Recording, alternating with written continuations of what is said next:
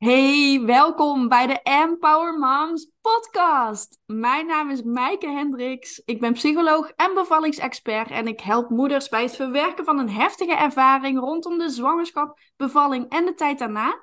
En daarnaast begeleid ik ze ook naar het stukje ontspannen moederschap, vooral in het eerste jaar na de geboorte.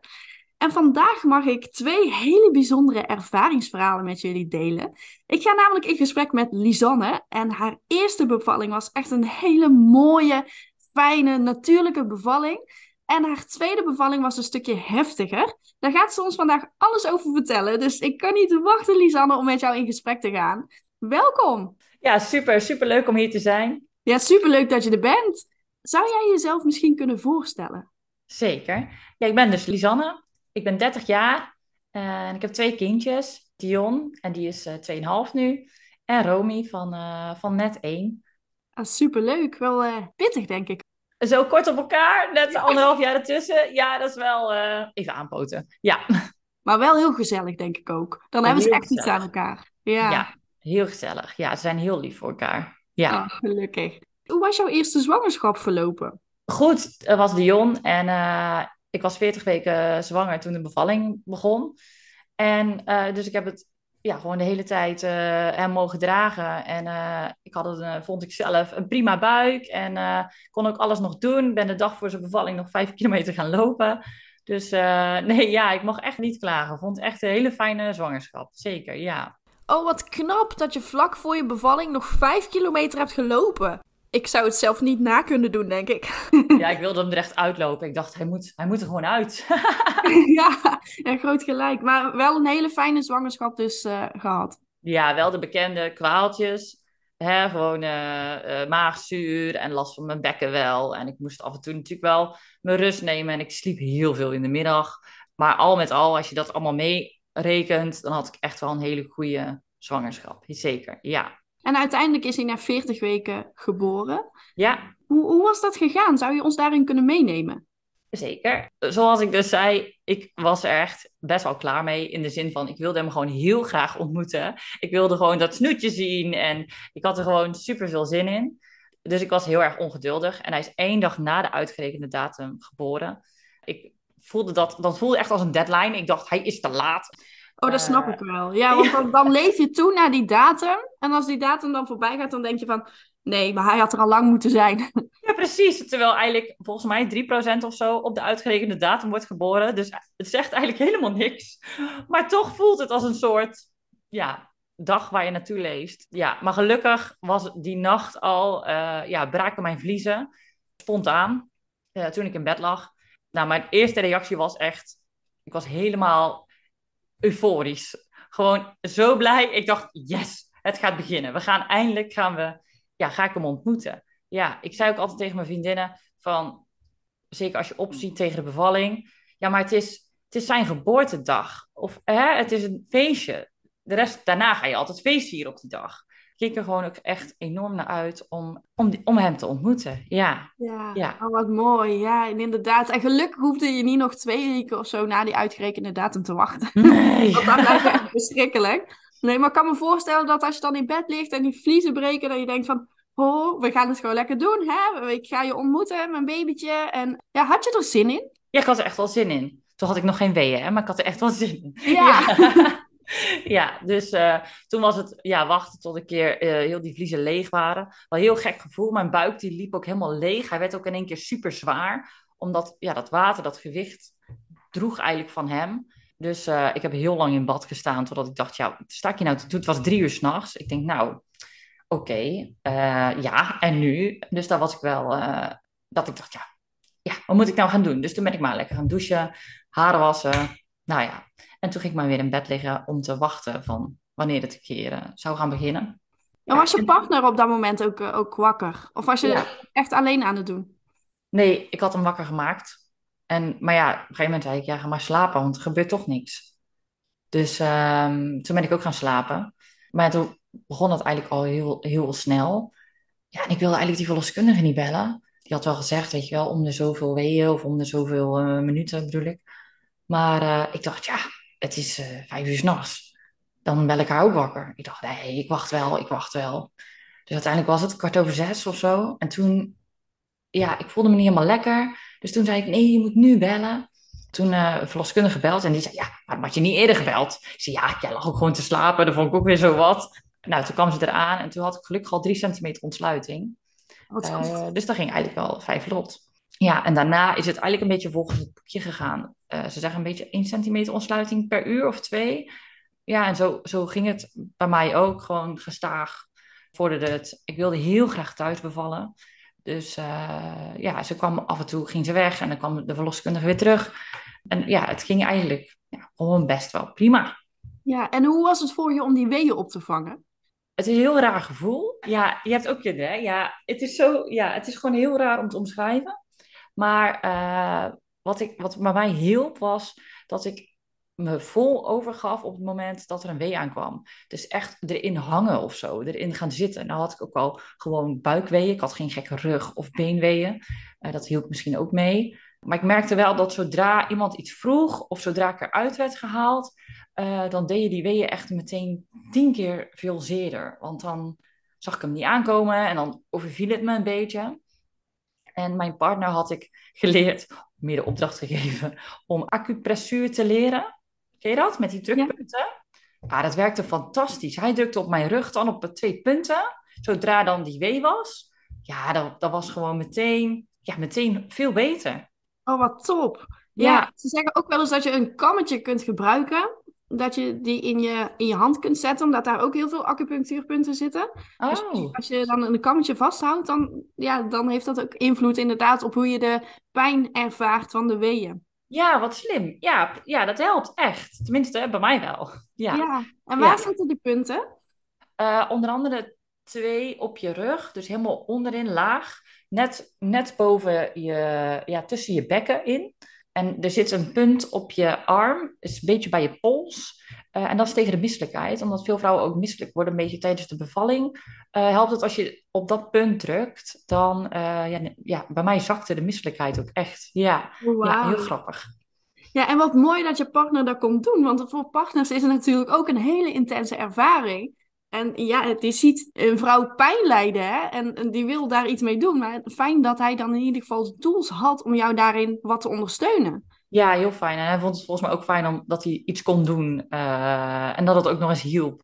Ja, en het mooie vond ik ook dat op het moment dat mijn partner even spullen was pakken, zeker op het einde, dan nam de verloskundige daar over. En dan drukte zij op mijn rug. Uh, ja, dus dat was oh. heel, uh, ja, was mooi. Ja. Echt een mooie samenwerking tussen iedereen die erbij was dan eigenlijk. Ja, ja, ja, en ik had echt een hele lieve verloskundige. Dus dat was, uh, ja, dat helpt natuurlijk ook mee. En ik wilde heel graag thuis in bad bevallen. Dus aan het einde, toen was het zo twee uur s middags. Toen heeft mijn partner het bad opgezet en het bad gevuld.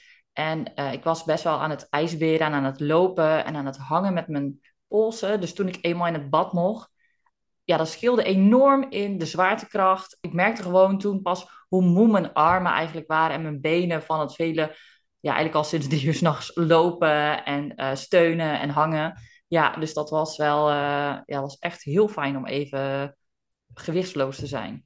Ja, maar inderdaad, ik hoor ook vaker hè, dat mensen dat gewoon heel fijn vinden. Dat er zorgt voor extra stukje ontspanning. En die warmte werkt ook mee natuurlijk. Dus super fijn, ja. Had jij een bevalplan gemaakt ook van tevoren? Ja, ik had er echt enorm over nagedacht. Eh, dingen opgezocht. Want wat ik heel veel hoor van vrouwen is ook van ja, waarom zou ik een bevalplan maken? Want het is toch niet te plannen. Uh, en ik ben dan altijd wel nieuwsgierig van ja, maar hè, waarom maken we dan zo'n plan? En voor mij was het zeker bij de zwangerschap van Dion belangrijk dat er zo min mogelijk ingrepen uh, wilde plaatsvinden. Ik wilde het echt zelf doen en de natuur, ja, toch een beetje kijken hoe ver hè, kan die op zijn beloop gaan. En ook, ik had bijvoorbeeld, je hebt heel vaak zo'n grote navelstreng clip. En ik had zo'n kleine ringkoord gekocht, want ik had erover gelezen dat er kon. Dus dat had ik ook in mijn bevalplan staan. Van ja, let op, uh, ik wil niet zo'n grote klem om zijn navel. ik wil, ik wil zo'n kleintje. Ik merkte dat de verloskundige daar heel erg naar heeft geluisterd, naar mijn bevalplan. Oh, fijn. Ja, en super belangrijk. Want een bevalling, hè, dat blijf je de rest van je leven onthouden. Dus dan is het fijn als het een hele positieve ervaring is. En dat ze jou daarin ook kan ondersteunen. Hè, van dat ze weet wat jij wil. En dat ze jou daarin ook verder kan begeleiden. Dan stond er ook in dat jij in het, uh, in het bad wilde bevallen? Ja, en het liefst ook echt wel de, ja, de uitdrijving, zeg maar. Dus echt wel bevallen in bad. Ik heb wel gecheckt ook bij de verloskundige of ze dat ja, überhaupt doen. Hè. Ik weet niet, ik had gehoord dat sommige verloskundigen dat liever niet doen. Ik had ook onderzocht welke, welk bad je kunt gebruiken. Want die bevalbaden zijn stiekem best duur. Maar er is dus één kinderbadje. Wat voldoet ook aan ja, de, de eisen van een bevalbad. Uh, dus ik had een kinderbadje met visjes. En uh, ja, dus heel. Ja, ja dus. Uh... Oh, wat grappig. Oh, daar heb ik serieus nog nooit over gehoord. Een kinderbadje waar je dan dus gewoon in, in kunt bevallen. Ja, en de, de, rand moet hoog genoeg zijn en ze moeten er goed bij kunnen. En uh, dit was ook met de bodem die dan uh, ook opgeblazen uh, was, hè, want anders dan zit je zo hard op die, die grond. En de afmetingen moeten genoeg zijn. Dus ja, ik ben met dat bad zo, met die link en die plaatje, naar de verloskundige gegaan en gezegd van, nou ja, goed, zijn jullie hier ook mee akkoord als ik dit bad koop? Ja, nou, dat was helemaal prima. Dus ja, ik zat tussen de visjes. Oh, leuk. ja, want er stonden allemaal visjes op de zijkant. Het was echt, uh, echt, ja, het is eigenlijk echt een kinderbad. Ja, maar wel groot genoeg dus. Maar wat super slim om dat op die manier te doen. Want inderdaad, die bevalbaden die zijn echt, echt super duur. En als je moet huren, ja, ja, ik weet niet of je dat prettig vindt. Kan natuurlijk wel. Maar ja, dit is gewoon echt ideaal. En dan kun je later ook nog gebruiken hè, voor je kindje. Nou, precies. Mijn kinderen zijn er van de zomer gewoon in. Uh, ja, die hebben er gewoon in gespeeld. Ja, ja ideaal. Ja. En toen, toen jij de wee aan het opvangen was in bad, hoe, hoe was dat voor jou? Uh, de wee in bad opvangen was echt heel fijn, want daardoor zakt die pijn ook weg. Ja, ik was echt op een gegeven moment heel ontspannen, maar eigenlijk dus iets te ontspannen. Mocht met 10 centimeter ontsluiting, mocht ik, of ja, met 8 centimeter ontsluiting mocht ik het bad in. En uiteindelijk had ik 10 centimeter. En uh, nou, toen zei de verloskundige ook dat ik mocht gaan persen ik zag hoe zij dat voordeed en ik, heb het maar nagedaan. Maar ik dacht echt, ja, geen idee wat ik aan het doen ben. En uh, ik werd steeds ontspannender en die weeën zakten steeds verder weg. En zij zei, ja, het kan wel normaal zijn dat het wat anders voelt. Dus ik dacht, nou, oké, prima. Maar op een gegeven moment moest ik toch uit bad van. En ik had helemaal geen tijdbesef. Maar uiteindelijk zei ze, ja, we gaan toch even de baarkruk proberen. Even iets anders, andere houdingen. Maar ja, na twee uur thuis, ja, proberen kleine eruit te krijgen, moesten we toch echt tot de conclusie komen dat het, uh, dat het hem niet ging worden thuis. Dus ja, dat was wel een beetje jammer. Maar ja, je weet ook dat het kan, het kan gebeuren. Ja, ja. ja, zeker. Maar ja, hè, als je jezelf een voorstelling hebt gemaakt van... oh, ik wil lekker thuis bevallen, lekker in bad bevallen... en als dat dan niet doorgaat, kan me ook wel voorstellen... dat dat gewoon hè, een, een enorme klap is op dat moment. Hoe was dat voor jou? Ja, op dat moment had ik het denk ik niet zo door. Ik was een beetje zo'n wazige rouge, bevallingsrouge. Uh, en ik had enorm veel vertrouwen in de verloskundige. Dus ik dacht, als zij zegt dat we moeten gaan, dan gaan we. Dus ik ben gewoon bij haar in de auto gestapt. wegpuffend met die weeën. Op een gegeven moment, het was net ja, het was een beetje rond schooltijd en we woonden in een, uh, in een woonwijk. Dus ik weet nog dat die deur open ging en dat ik een wee achter de auto stond op te vangen. En dat er ondertussen van die schoolkinderen langs ons huis liepen. Dat ik echt dacht, als ze me maar niet zien. Maar um, ja, nee, super grappig. Achteraf dan. Maar uh, het was heel relaxed en de verloskundige was ook heel relaxed. Dus uh, ze zei, stap maar gewoon in de auto. En dan rijden we, het was 20 minuten nog rijden naar het ziekenhuis. Dan rijden we gewoon rustig naar het ziekenhuis. En dan ze weten dat je eraan komt. Dus dat, dat helemaal prima. hoe was dat voor jou om dan in de auto te moeten stappen met die weeën? Ja, dat was niet zo grappig. Nee, nee. ja, je zit in zo'n kleine. Maar ja, ik, ik denk dan. Ja, heel veel vrouwen die gaan naar het ziekenhuis uh, met als ze 5 centimeter, 6 centimeter ontsluiting hebben. Uh, hè, of misschien meer of minder. Uh, ja, ik zat natuurlijk wel op 10 centimeter, maar hij ging er echt niet uit. Dus ik zat op zich wel ja, niet super comfortabel, want die weeën die waren natuurlijk wel vervelend. Uh, en je kan ze gewoon niet zo makkelijk, tenminste, ik kon ze niet zo makkelijk opvangen als ik zat. Het waren een lange 20 minuten. Ja, oh, maar dat lijkt me ook verschrikkelijk als je dan weeën hebt en je kan eigenlijk geen houding aannemen, want je zit hè, in die kleine auto. Ja. Hoe heb je dat gedaan? Ja, geen idee. Ja, uh, wel echt wat ik eigenlijk al de, de hele tijd tijdens de bevalling aan doen, echt letten op die ademhaling en echt je eigen bubbel proberen vast te houden. Vooral ook omdat thuis dan merkte ik, dan kun je heel makkelijk die, die eigen bubbel vasthouden. Maar op het moment dat je in de auto stapt en of, of moet letten op kinderen die langslopen, dan eh, ben je zo gefocust op, op de buitenkant. En daardoor overval, ja, overvielen die weeën me. Omdat je dan, ja, dan, ik, dan heb je niet zo door, tenminste ik, wanneer, wanneer die komt. En dan kon ik hem niet zo goed opvangen en ik ging gek doen met mijn ademhaling. Terwijl als ik weer mijn oog dicht deed of even naar binnen, gewoon echt puur focus op mezelf en nou ja, schijnt aan iedereen, dan en vertrouwen op ja, dat de verloskundige je er doorheen loodst, dan, dan ging het weer goed. Ja, dat had ik ook in de auto. Echt, uh, uh, ja, vooral toen, ik, toen we eruit kwamen uit die auto en dan in het ziekenhuis en we kwamen via de post. Ja, daar ben ik nog nooit geweest. En ik was ook niet in het ziekenhuis geweest voor een rondleiding of zo. Want ik dacht, nee, ik beval gewoon thuis. Ja, dat is allemaal nieuwe prikkels. Ja, dus dan... Dat is niet fijn dan op dat moment, hè? Want een bevalling, dan wil je echt in een vertrouwde omgeving zijn, in een veilige omgeving, om ja. die geboorte zo goed mogelijk te laten gebeuren. Merkte je dat de wee toen ook afnamen toen je in het ziekenhuis kwam? Ja, zeker. Ja, ja omdat je, denk ik, ook gefocust bent op alles wat er om je heen gebeurt en niet uh, ja, niet op je bevalling. Ja, en dat je lichaam toch een soort stressreactie aanmaakt. Hè? Van, oh, ik weet niet of het hier veilig is om hier mijn kind uit uh, op de grond te gooien, zeg maar. ja. ja. Had jij al die tijd, hè, ook dat je thuis was in, in met die uh, 10 centimeter ontsluiting, had jij wel echt die persdrang? Nee, nooit gehad. Achteraf, dat wist ik toen niet. Maar achteraf heb ik, nee, heb ik die, die oerkracht, die vrouwen waar je, die, die je hoort, wel, eens hoort, uh, die ze omschrijven. Nee, die heb ik bij, uh, nee, bij Romy ook niet, maar bij Dion, uh, nee, heb ik achteraf, nee, ik deed het echt puur op dat ik dacht, oh ja, zo doet de verloskundige het, zo moet ik het ook doen. Ja, ja, en ik moet ook zeggen, die persdrang is ook nooit gekomen bij Dion. Nee, ook oh, niet in het ziekenhuis. Nee. Ja, dan maakt het ook een stukje zwaarder natuurlijk, hè, om, om het volledig op eigen kracht dan te gaan doen. Je bent gewoon moe. Ja. Gewoon van drie uur s'nachts wakker. Je, bent al de hele tijd die marathon aan het lopen en, en die idee aan het wegpuffen. En dan komt er geen oerkracht om dat kind eruit te werken, zeg maar.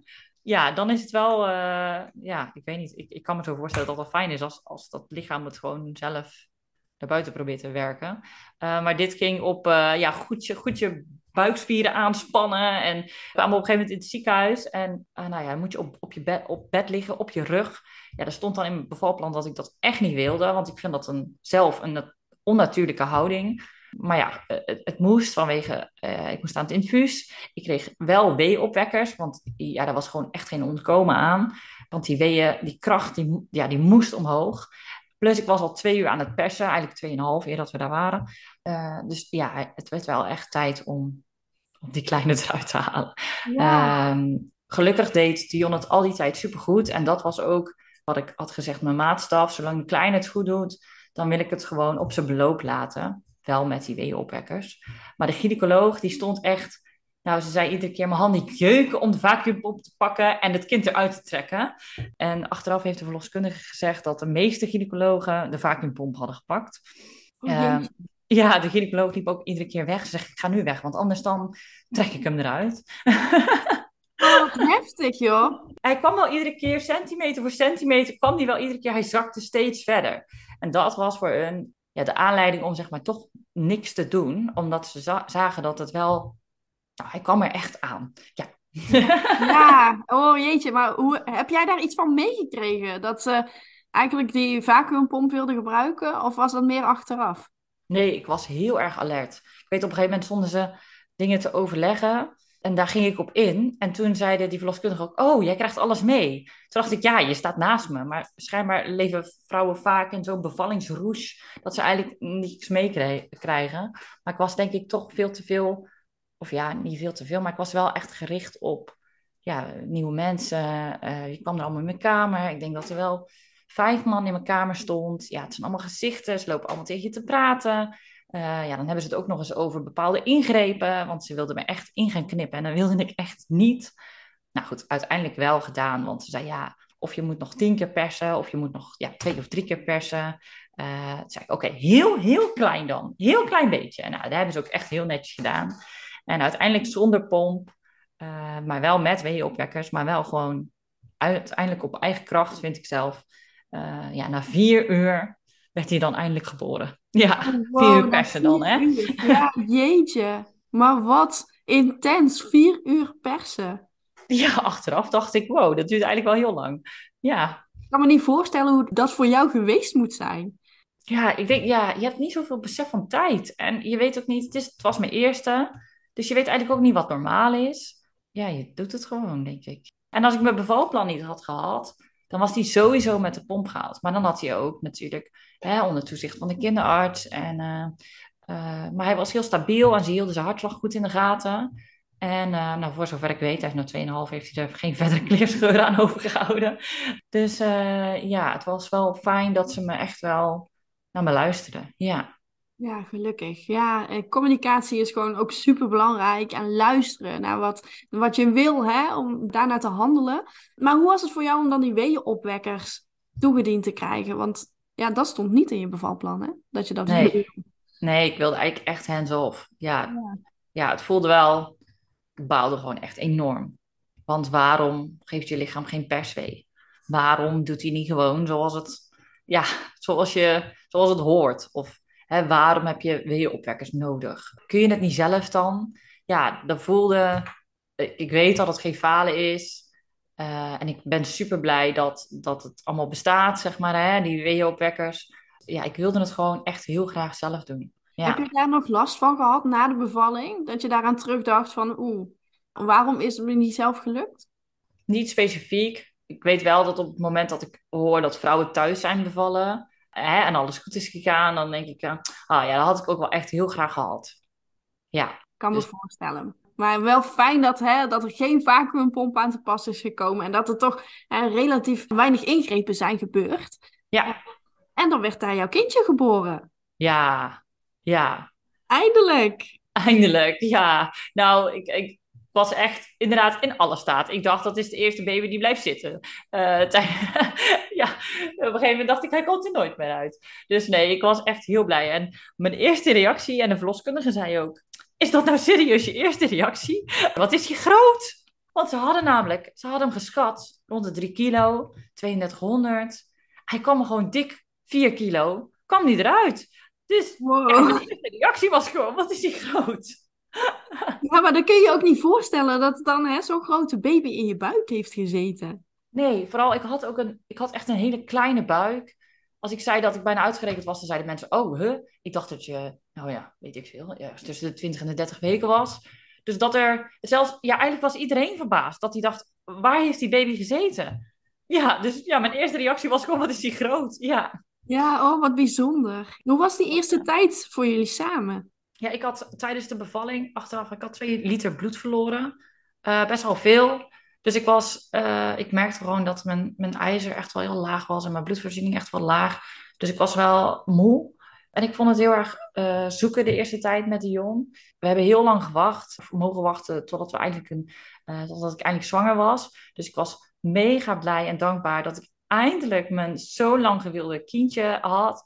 Maar ik vond het ook wel ik had even niet bij stilgestaan dat er ook best wel een verantwoordelijkheid om hangt. Ik, ik was zo bezig geweest met, met de zwangerschap en het zwanger raken en uh, de bevalling, dat ik gewoon nooit nagedacht heb dat er nog een tijd na de bevalling komt. Ja, dus daar was ik wel een beetje zoekende in. Ja. Maar er komt dan zoveel op je af, hè? Ja, ja. Een totaal ander leven wat je dan krijgt. Ja, ja, je, je, je weet het wel ergens, je hoort het wel, maar je weet, je weet het eigenlijk ook weer niet. Totdat het zover is. Totdat je het zelf ervaart. Ja. Ja, ik hoor dat ook heel vaak hoor. En moeders denken van ja, het, het wijst zich vanzelf wel en het komt allemaal wel goed. Maar inderdaad, als je er dan in zit en er komt zoveel op je af en dat slaapgebrek, die hormonen na de bevalling, herstel van je lijf, het is gewoon echt superveel. Ja, ja. En uh, Dion die viel in de eerste week viel die meer dan 10% af nou ja, dan komen er allerlei uh, protocollen die dan uh, in werking willen treden. Mensen die zich uh, zorgen gaan maken, verloskundigen die dan in plaats van twee of drie keer per week langskwam, elke dag langskwam. Wat ik toen heb gemerkt is dat je als moeder zijnde, ik had een enorm sterk oergevoel als moeder dat het helemaal prima met hem ging. Dat hij vier kilo misschien iets te, ja, misschien had hij wel een beetje te veel vocht of weet ik veel toen hij meer dan 10% was afgevallen, dacht ik, ja, maar hij ziet er nog gezond uit. En hij, hij, doet het nog goed en hij drinkt goed en het gaat goed. Maar dat was in de eerste week dat ik moeder was geworden, dus wist ik veel. En ik weet wel dat ik op een gegeven moment tegen uh, de verloskundige en zo heb gezegd van, weet je, ik, ik, ik zie gewoon dat hij het goed doet. En door al die protocollen laten jullie mij twijfelen aan mijn moedergevoel. Want zie ik dus niet blijkbaar dat het niet goed gaat met mijn kindje? Of mis ik iets? Of... En toen hebben ze gelukkig, toen ik dat zei, ja, de protocollen losgelaten. In de zin van, goed, dat kunnen ze natuurlijk niet helemaal, want dan zijn allemaal verantwoordelijk en weet ik veel. Uh, maar wel meer geluisterd naar van, hè, want kijk naar de moeder en kijk naar het kindje. Ja, ja dus um, was mijn eerste les al dat je als moeder eigenlijk altijd goed zit. maar wat mooi dat je dat hebt aangegeven. Dat je gewoon echt meteen vertrouwde op dat moedergevoel, op je intuïtie. Dat je dacht van, hè, er is niks aan de hand, gaat goed. Hè, geef het even de tijd. Ja, maar je gaat gewoon twijfelen aan jezelf. Want je denkt, ja, die mensen die zien, uh, ik weet niet hoeveel baby's per jaar, die zullen het wel weten. Ja, ja. protocollen, ja. Ja, ik heb er ook een beetje zo'n haat-liefde verhouding mee. het is goed om, om, een soort richtlijn te hebben, maar er moet ook ruimte zijn voor andere mogelijkheden. Hè? Om echt ja, te luisteren naar wat de moeder wil. Want het is haar kind. Je weet dat gewoon als moeder zijnde. Je kunt dat niet uitleggen, je weet dat gewoon van je kind. Ja, ja precies. Ja, en ik denk dat de verloskundige zelf ook zo'n gevoel heeft. Ja. Maar de protocollen staan soms een beetje vertroebelen dat beeld of zo. Ja, ja. En hoe, hoe, kijk jij nou terug op je bevalling? Goed, positief. Ja, natuurlijk. Ik vind het echt wel jammer dat ik niet thuis ben bevallen en niet in bad ben bevallen. Uh, dus ik dacht toen, bij de tweede doe ik het helemaal anders. Uh, ga ik wel echt in bad bevallen, dat dacht ik.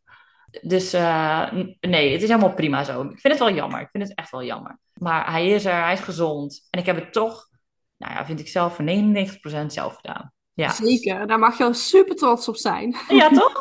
ja, absoluut. En je tweede, ja, de, de bevalling van je dochter, die was wat minder positief verlopen. Ja, ja, ja, wat ik zei, ik dacht echt uh, heel naïef toen nog. Tenminste, wat is naïef? Maar ik dacht, nou, bij haar ga ik sowieso een badbevalling. Ja, komt helemaal goed, weet je wel. Ik, ik weet nu hoe het is en ik weet hoe ik het... Nou, dit, uh, ja, dit gaan we gewoon doen. Maar goed, toen was het nogal vroeg in de zwangerschap. Uh, want bij haar braken mijn vliezen met uh, 23 weken. Uh, dus hoe euforisch ik was bij Dion toen ik met 40 weken mijn vliezen waren gebroken. zo 180 graden waren mijn emoties natuurlijk toen, toen ze braken met 23 weken. Oh, wat heftig. 23 weken. Wat ging er op dat moment door jou heen?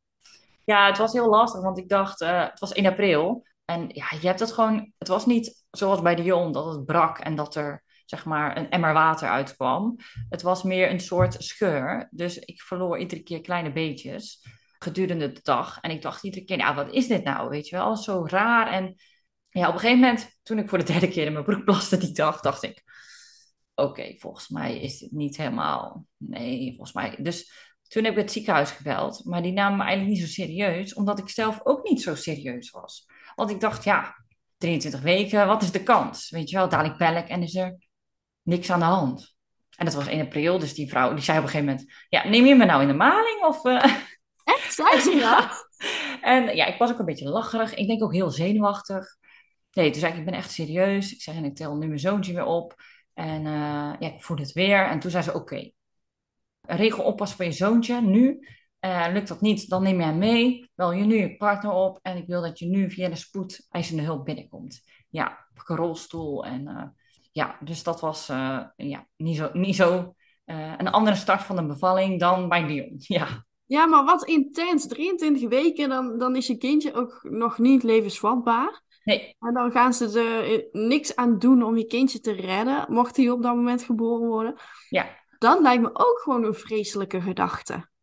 Ja, ja, ze hadden ook wel echt gezegd dat we ons uh, moesten voorbereiden op uh, ja, dat het gewoon niet, uh, dat, dat ze het gewoon niet ging redden. Nee, ja. Maar ja, hoe bereid je daarop voor? Dat kan toch niet? Nee, ja, niet. Nee, eigenlijk hetzelfde als met de gewone bevalling, denk ik. Je, ziet, ja, je moet gewoon, ja, go with the flow, want het stopt niet en het gaat door, zeg maar.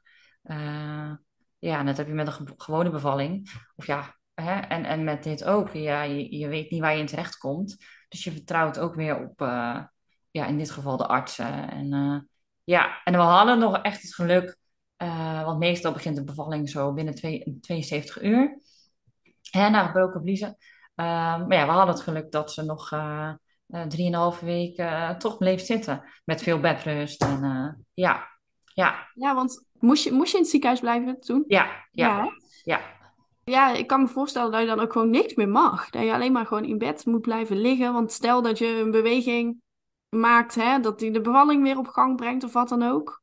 Ja, ja ik mocht alleen plassen en, uh, en douchen. Ja. ja. ja. Oh, wat vreselijk. En dan heb je nog een kindje rondlopen. En dan had je nog een kindje thuis. Ja, waar je eigenlijk, ja, die was dan op dat moment uh, anderhalf. Ja. Dus uh, eh, super klein ook nog. Super fijn dat je een enorm vangnet hebt dan op dat moment dat alle opa's en oma's goed voor hem zorgen. Maar eigenlijk wil je gewoon het liefste natuurlijk zelf voor je kind zorgen. Ja. en ehm, ja, ik zag hem twee keer per week. Heel weinig. Maar ja, hij kon gewoon niks in dat ziekenhuis. Weet je, anderhalf. Eh, de kamer was vrij klein. En na een uur dan, ja, heeft dan ik het ook wel gezien daar. Ja, echt een rollercoaster waar je in terecht bent gekomen. En hoe was dat voor jou toen je dan eindelijk die 24 weken aantikte? Ja, dat was heel fijn. In de zin van, gelukkig het ziekenhuis waar ik uiteindelijk naartoe vervoerd ben uh, ik was toen 23,5, 23 en 5 dagen. Die zeiden, uh, we zien op de echo dat ze het goed doet en goed op groei ligt. Dus we willen niet die keiharde grens van 24 weken aanhouden. Nou, wij moesten beslissen of we uh, wel of geen ingrepen wilden. Nou, zoals ik bij de jong was, hè, zoveel mogelijk hands-off. was hier alle hands aan dek. Werd gelukkig de grens van 24 weken vloeibaar. Dus toen hebben ze gezegd, nou, als jullie nu zeggen we gaan ervoor, dan gaan we vanavond nog longrijpingsprikjes geven. En dan uh, ja, hè, zoveel mogelijk uh, uh, toedienen, BRM'ers, om te kijken of we die bevalling kunnen rekken. Ja. Ja, jeetje, intens. Ja. En, en toch nog een paar weken volgehouden. Ja, heel fijn. Ja, want die weken zijn gewoon. Je beseft eigenlijk niet als je zwanger bent hoe cruciaal sommige weken zijn. Maar van 24 weken naar met 5% overlevingskans misschien, zeker zonder longrijping eigenlijk bijna geen, naar met 27 weken heb je al een overlevingskans van 80 tot 90% Super groot verschil. Ja, enorm groot. Ja, ja, ja. Dus elke minuut was er ook echt één die, die ze nog in mijn buik zat. Ja. Ja, nee, ik kan me voorstellen dat je dan inderdaad blij bent met elke dag dat ze dan nog in je buik zit. Ja, zeker. Ja, dus heel blij dat ze nog zo lang eigenlijk heeft mogen zitten met gebroken vliezen. Ja. Ja, en hoe was dat voor jou? Want ik kan me ook voorstellen dat gewoon hè, als je daar ligt in het ziekenhuis, dat je enorm gaat piekeren over alles wat er op je af gaat komen. Hoe heb je je hoofd eigenlijk een beetje tot rust kunnen brengen? Ja, goede vraag. um, met veel ups en downs, denk ik. Want het is normaal dat je echt uh, enorm in je hoofd gaat zitten en uh, uh, heel verdrietig erom bent. Dat ben ik ook echt wel geweest. Maar ik moet zeggen dat het me redelijk goed lukte om positief te blijven en elke dag te zien als één. Ik deed ook veel wel op dat moment aan mindfulness, meditaties. Ehm, ja, echt het is de, vind ik zelf, uh, de next level vorm van acceptatie.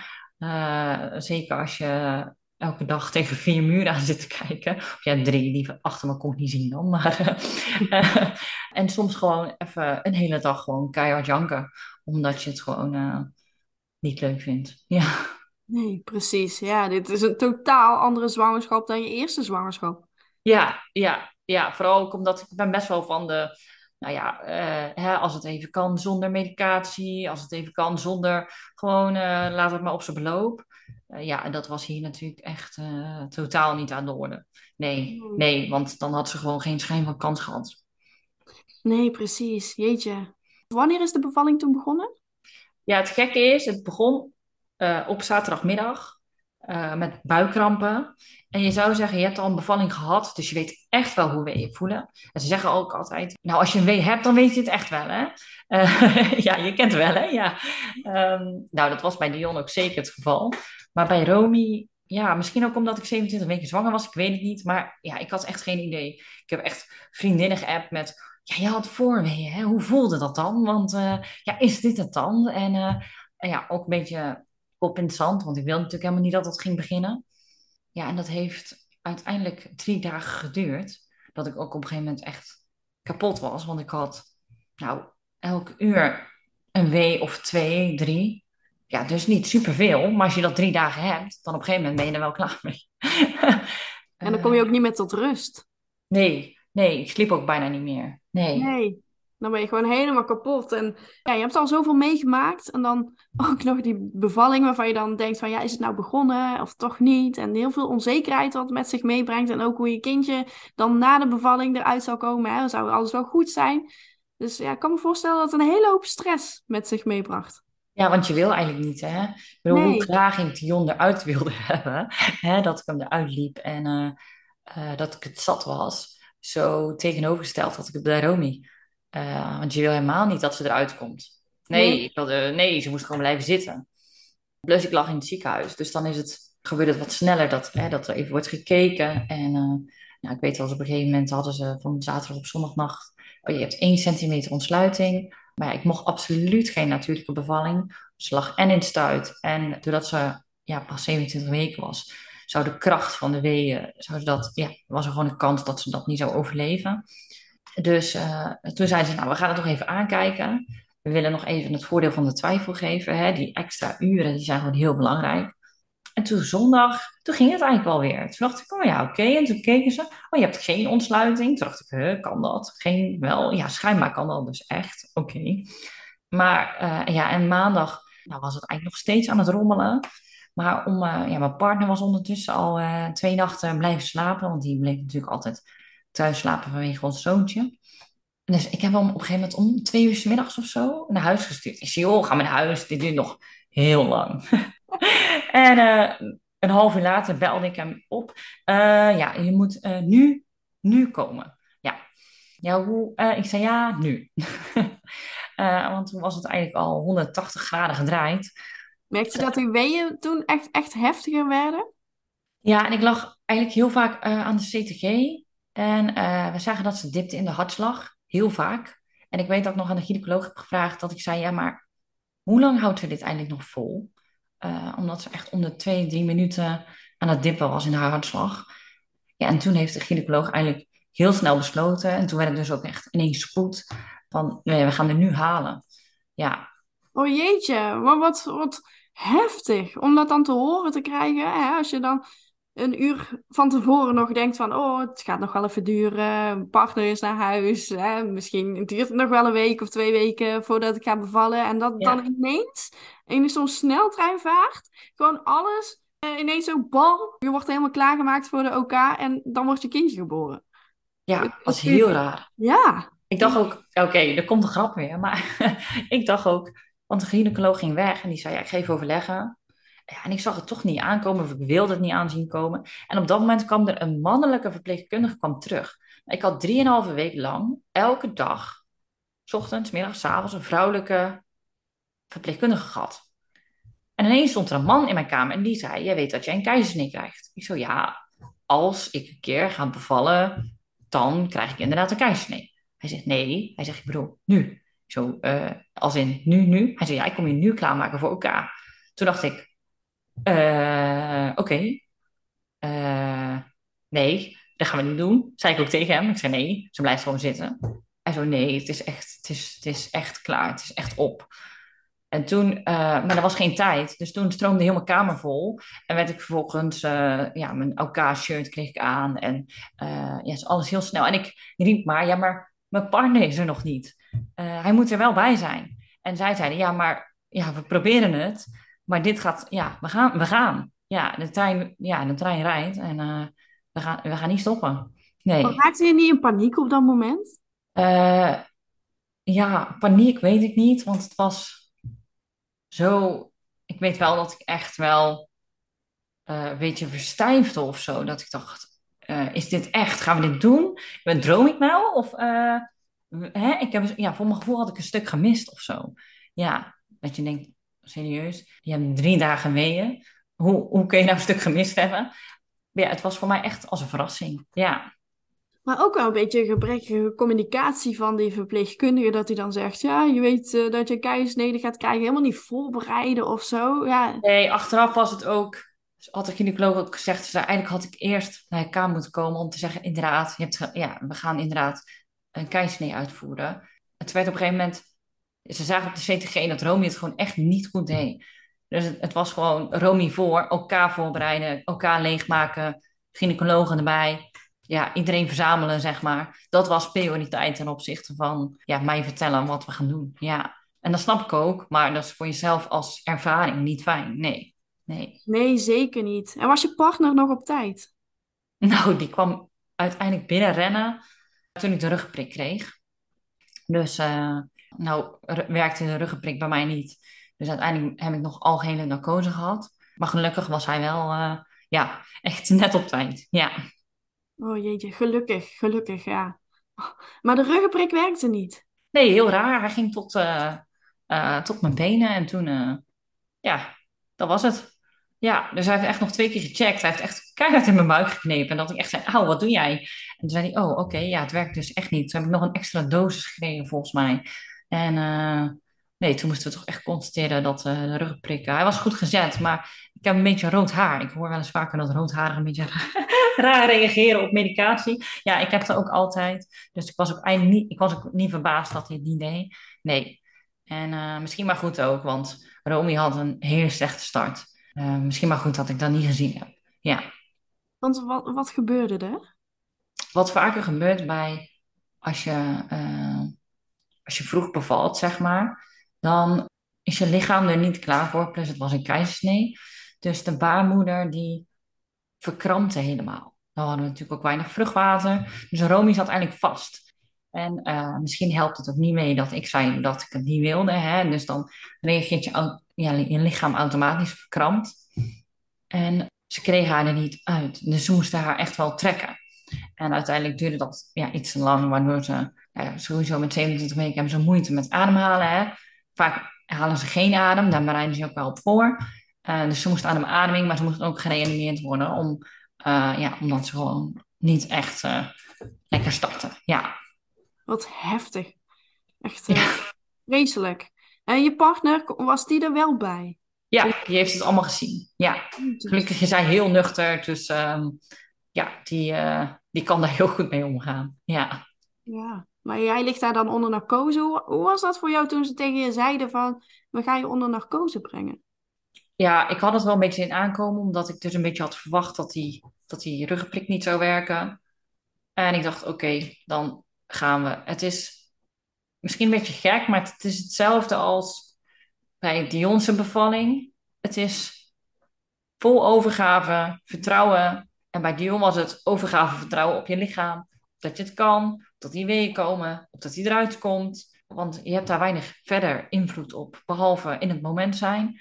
En dat was bij Romy eigenlijk niet anders. Alleen toen moest ik vol overgave vertrouwen op de kinderartsen, op de gynaecologen, op iedereen die enorm veel doet voor jou en je kind. Om, om, ja, om het zo goed mogelijk te doen.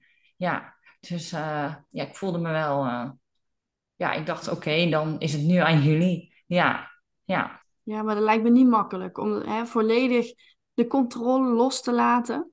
Nee. Dat je het dan zelf niet meekrijgt, de geboorte van je kindje. Nee, ik moest ook akkoord geven op dat ze keizersnee gaan uitvoeren. Hè. Dat vragen ze natuurlijk uh, altijd aan je. En ik zei echt, mm -mm, nee, nee. En die vrouw zei tegen mij, ja, maar je moet echt, want het is gewoon... En toen weet ik dat de gynaecoloog tegen mij heeft gezegd van, het is, uh, het is goed zo en uh, je, hebt, uh, je, hebt, hey, je hebt je best gedaan, maar de, de, de rek is eruit en het moet nu komen. En ik heb achteraf ook tegen hem gezegd dat ik het echt heel fijn vond dat hij dat tegen mij zei. Want ik had nog tot op dat moment het idee, nee, elke minuut, elke uur, alles is er één. En ze mag er niet uit. En het hoort niet. En het kan niet. En het... Dus ja, dat was heel fijn dat hij dat tegen mij zei. Ja, dat ik dacht, oké. Okay, nou ja, als, hij, als hij dat zegt, dan vertrouw ik op zijn expertise. Ja. Ja. ja. Uh, wat, wat fijn dat hij daar inderdaad nog even tegen jou heeft gezegd. En dat je daarop kon vertrouwen. En dat dat, uh, dat, dat een soort van steun gaf voor jou. Ja, precies. Ja, dat ik dacht, oké, okay, het is echt goed zo. Ja. ja. Hoe, hoe was dat voor jou toen jij dan bijkwam? Uh, heel wazig, want uh, ja, je wordt natuurlijk wakker uit die narcose en die ruggenprik werkt ook niet mee. Dus ik heb haar heel even kort gezien. Maar ja, daarna moest ze mee, want uh, ja, die, ze moet gewoon, ze was wel ook stabiel, maar ja, niet stabiel genoeg. Dus ze moesten gewoon uh, aan de toeters en bellen. Uh, en daarna werd ik naar de uitslaapkamer gereden. Ja, dus dat was natuurlijk wel een gek moment, want normaal dan heb je je kindje bij je of op je borst, of in elk geval misschien in dezelfde kamer. En nu, ja, je, je hebt geen idee, je weet niet hoe het met je kind gaat. Het kind wordt meegenomen en jij wordt gewoon in een kamer uh, gezet met uh, nog andere mensen die aan het uitslapen zijn. Geen idee. Um, ja, dus dat was heel uh, ja, naar eigenlijk. Ja. En dat moment was ook heel heftig voor jou, hè? Ja, want dan ben ik nog voor jou geweest, hè? Ja, wij hebben daar de traumaverwerking op gedaan. Ja. Um, daar gebeurde ook het een en ander. Ja, want nou ja, de ruggenprik werkte dus niet. En eh, ik had al hele narcose gehad. En toen ik op een gegeven moment een beetje meer wakker aan het worden was uit die narcose, toen nam de pijn steeds meer toe. Ik weet nog echt op een gegeven moment dat ik die vrouw heb geroepen, uh, hè, de verpleegkundige, van ja, kun je, kun je nu wat aan die pijn doen? Ja, zij zegt, ja, je hebt al zoveel morfine gekregen en uh, ja, we kunnen je echt niet meer geven. Maar het was echt, nou, het was nog, ik wilde echt liever onder narcose uh, dan dat ik nog uh, verder zou gaan zo ja, daar heb ik wel echt heel veel last van gehad. Ja, en uh, ja, daarvoor ben ik ook uiteindelijk bij jou geweest. Om, uh, de hele ervaring was echt wel heftig. Hè? Die bevalling van Romy en alles wat erbij kwam kijken. Maar de pijn van uh, geen... want ja, dat was dus achteraf dat ik geen pijnstilling had. Ook die keisnee was echt alsof ze die keisnee aan het uitvoeren waren. Terwijl, ja, zonder verdoving. Ja, en ja, gelukkig maar dat duurde wel echt, uh, ik denk een half uur tot drie kwartier. Dan kwam er een andere verpleegkundige en die zag dus dat mijn infuus geknakt was, waardoor ik helemaal geen pijnstilling kreeg. Ja. Oh, wat vreselijk. Oh, ja, dat is echt zeer. Dat ja. is niet te doen. nee, nee, dat was echt niet grappig. Nee, nee. Dus um, ja, daar, daar, had ik echt veel last van. Gewoon uh, het niet gehoord voelen, want die verpleegkundige nam me niet echt serieus. En uh, ja, dat was het. Uh, dat was eigenlijk wel het meest zeer. Dat ze me niet, niet naar mij wilde luisteren. Dat ze me een beetje. Ze deed alsof ik een aansteller was. Ze zei ook op een gegeven moment van. Misschien moet je maar gewoon naar je dochter gaan, want dat is de beste pijnstilling die er is. Al dat soort rare uitspraken eigenlijk. Ja, hielpen niet mee in dat ik het goed kon verwerken aan het eind. Want... Nee, maar dat, oh, dat, ja, ik snap echt niet dat dat zo tegen kan zeggen. Het is gewoon ja. niet oké. Okay. Nee, volgens mij had hij echt de dag niet. Nee. Nee, en dan ben je daar net bevallen. Er is hier van alles overkomen. Het is ook niet niks, hè. Om zo vroeg te bevallen en je kindje ligt niet bij en dan word je gewoon niet serieus genomen. Echt net of je dan op dat moment gaat aanstellen, weet je wel. Echt, doe normaal, ja, weet ja, je. Precies. Ja, ja. Ik had ook gezegd, al had ze 50% goed gedaan. Of ze was aardig tegen me geweest, of ze had haar werk goed gedaan, waardoor ze had gezien dat mijn infuus ja. was geknakt. Gewoon één van twee. Dan was voor mij de ervaring al heel anders geweest. Ja. Maar hoe ben je met die pijn omgegaan? Ja, ik probeerde dus mijn buikademhaling te doen. En ik, ik ben ook wel een beetje van het alternatieve. Dus hè, focus, nou ja, goed, in elk geval op herstel. Of, uh, maar niks hielp. Het, het, was, het was echt alsof ze me opensneden. Het was zo erg. Nee, ik heb echt mijn nagels in dat bed staan. Hè. Dat bed is van ijzer. Dus zo'n metalen bed, je weet wel, van het ziekenhuis. Nee, ik kon er gewoon niet mee omgaan. Nee, dat ging echt nee. niet. Nee, zoveel pijn. Ja. Snap ik. Ja, ik heb zelf ook uh, twee keizersneden gehad. Ik heb heel veel pijnstilling gevraagd. Oh ja. Ik kan me voorstellen hoe het is als je dan gewoon zonder pijnstilling daar na die operatie daar ligt. Gewoon. Dat is gewoon onmenselijk. Ja, nee, daar wens je echt niemand toe. Nee, nog niet je ergste vijand. Nee, nee, ik heb ooit de, uh, er kwam couveuse nazorg bij ons toen, uiteindelijk toen Romy thuis was. En die vrouw vertelde dat zij een gescheurde keizersnee had gehad.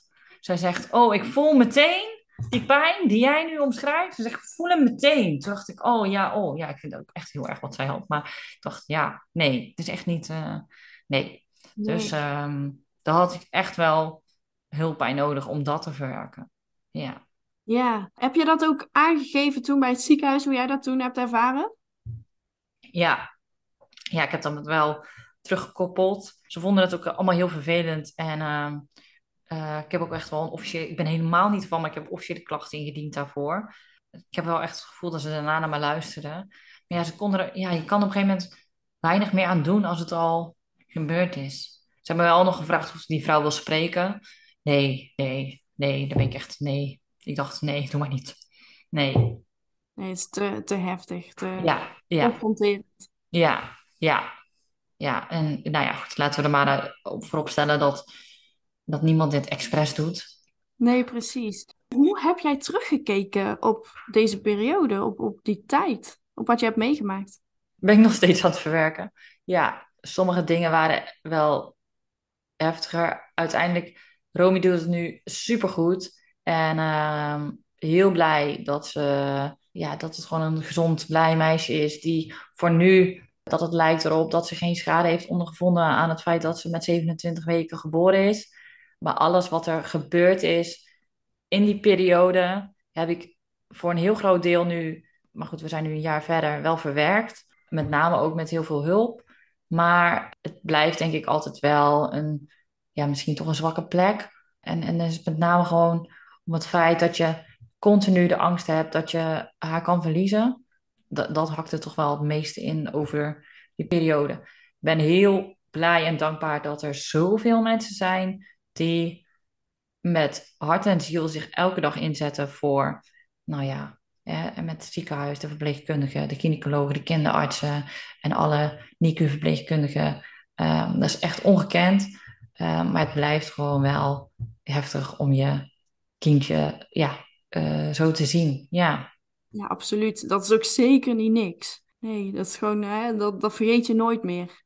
Nee, nee, je verwacht eigenlijk gewoon een, een, een af babytje hè, met lekker vetjes. En, eh, en ze was zeker af, hè, want alles erop, zat er op en eraan. Uh, maar klaar was ze zeker niet. Nee, nee. Dus uh, ze heeft lang moeten groeien en aan moeten sterken. En af en toe ook met tegenslagen. Maar ze heeft zich er iedere keer weer uit weten te werken. En ja, ja. Ja, wauw, wat een kracht zit er dan in zo'n klein mensje. Bizar, hè? Heel bizar, ja. En ze is nou net één jaar geworden, zei je. Hoe gaat het nu met haar?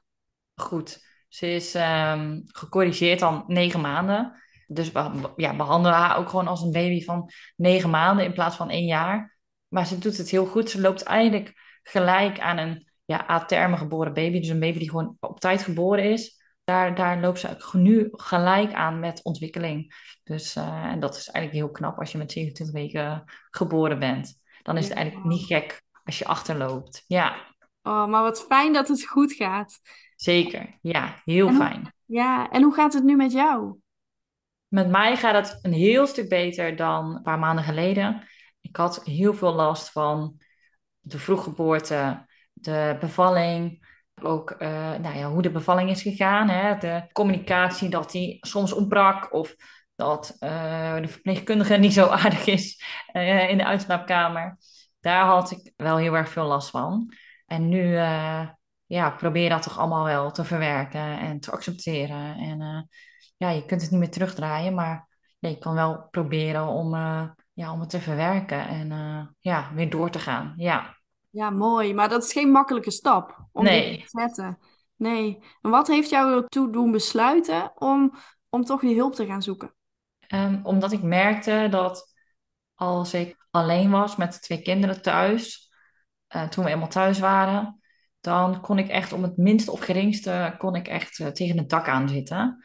Al was het alleen al bijvoorbeeld als ze samen in koor aan het huilen waren, dan is het sowieso niet leuk. Uh, maar ik merkte aan mezelf dat ik niet mezelf was. Dat ik echt uh, emotioneel heel heftig kon reageren. Dat ik dacht, hmm, dit is gewoon niet wat ik gewend ben van mezelf.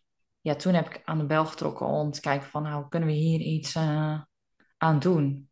En toen ben je uiteindelijk bij mij terechtgekomen? Ja, zeker. Via ja. Instagram. Ja. Via Instagram, inderdaad. Uh, hoe heb je het toen ervaren? Want je hebt de, de trauma buster techniek is echt een vrij nieuwe techniek. Nog niet heel veel mensen kennen deze techniek.